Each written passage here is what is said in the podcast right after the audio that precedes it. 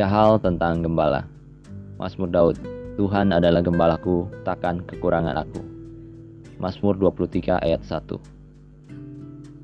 Tuhan adalah gembalaku bukan hanya kalimat kepemilikan atau kepunyaan, tetapi juga kalimat ketundukan dan identitas.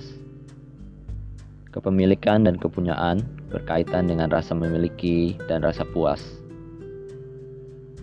Setiap orang memiliki tingkat kepuasan yang berbeda-beda.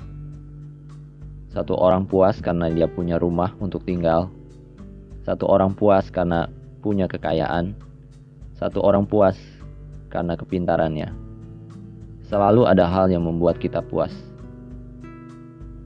Daud memiliki Tuhan, dan di dalamnya ia tidak kekurangan, tetapi dia dipuaskan. Ini tentu kepuasan sejati karena Tuhan memimpin pada rumput dan air yang tenang. Bahkan ketika di lembah kelam, gada dan tongkatnya menghibur Daud. Ketundukan. Daud menyadari bahwa Tuhan adalah gembalanya dan dia adalah dombanya. Domba mengikuti gembalanya. Kawanan domba biasanya memiliki sebuah pola ketika mereka berjalan berbalis mereka tidak pernah bisa berjalan satu garis lurus, tetapi domba-domba tersebut berbelok-belok jalannya. Mengapa demikian? Karena domba-domba itu selalu tidak mau ke kehilangan penglihatannya terhadap sang gembala yang ada di depannya, memimpin dia.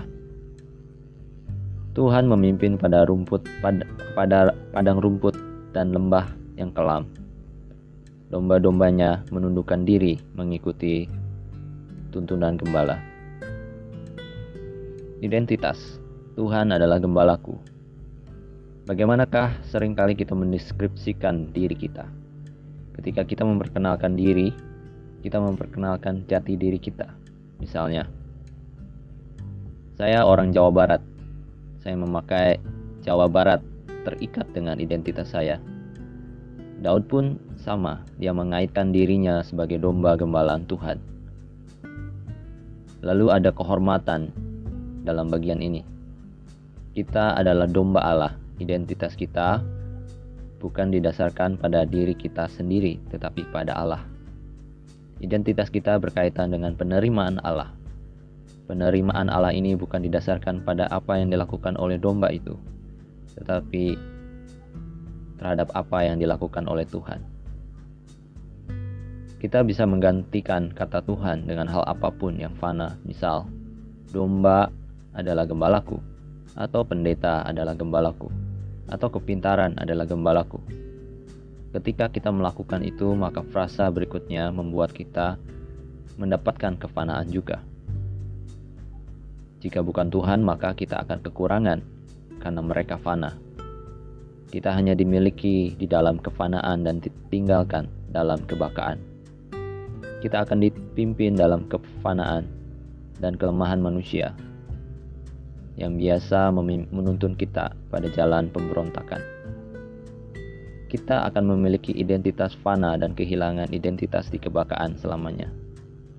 Akhir kata, kita akan kehilangan dan kekurangan dalam kehidupan kita.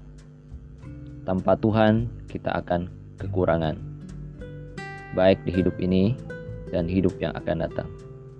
Pertanyaan pertanyaannya, masihkah kita menjadikan Tuhan sebagai gembala kita?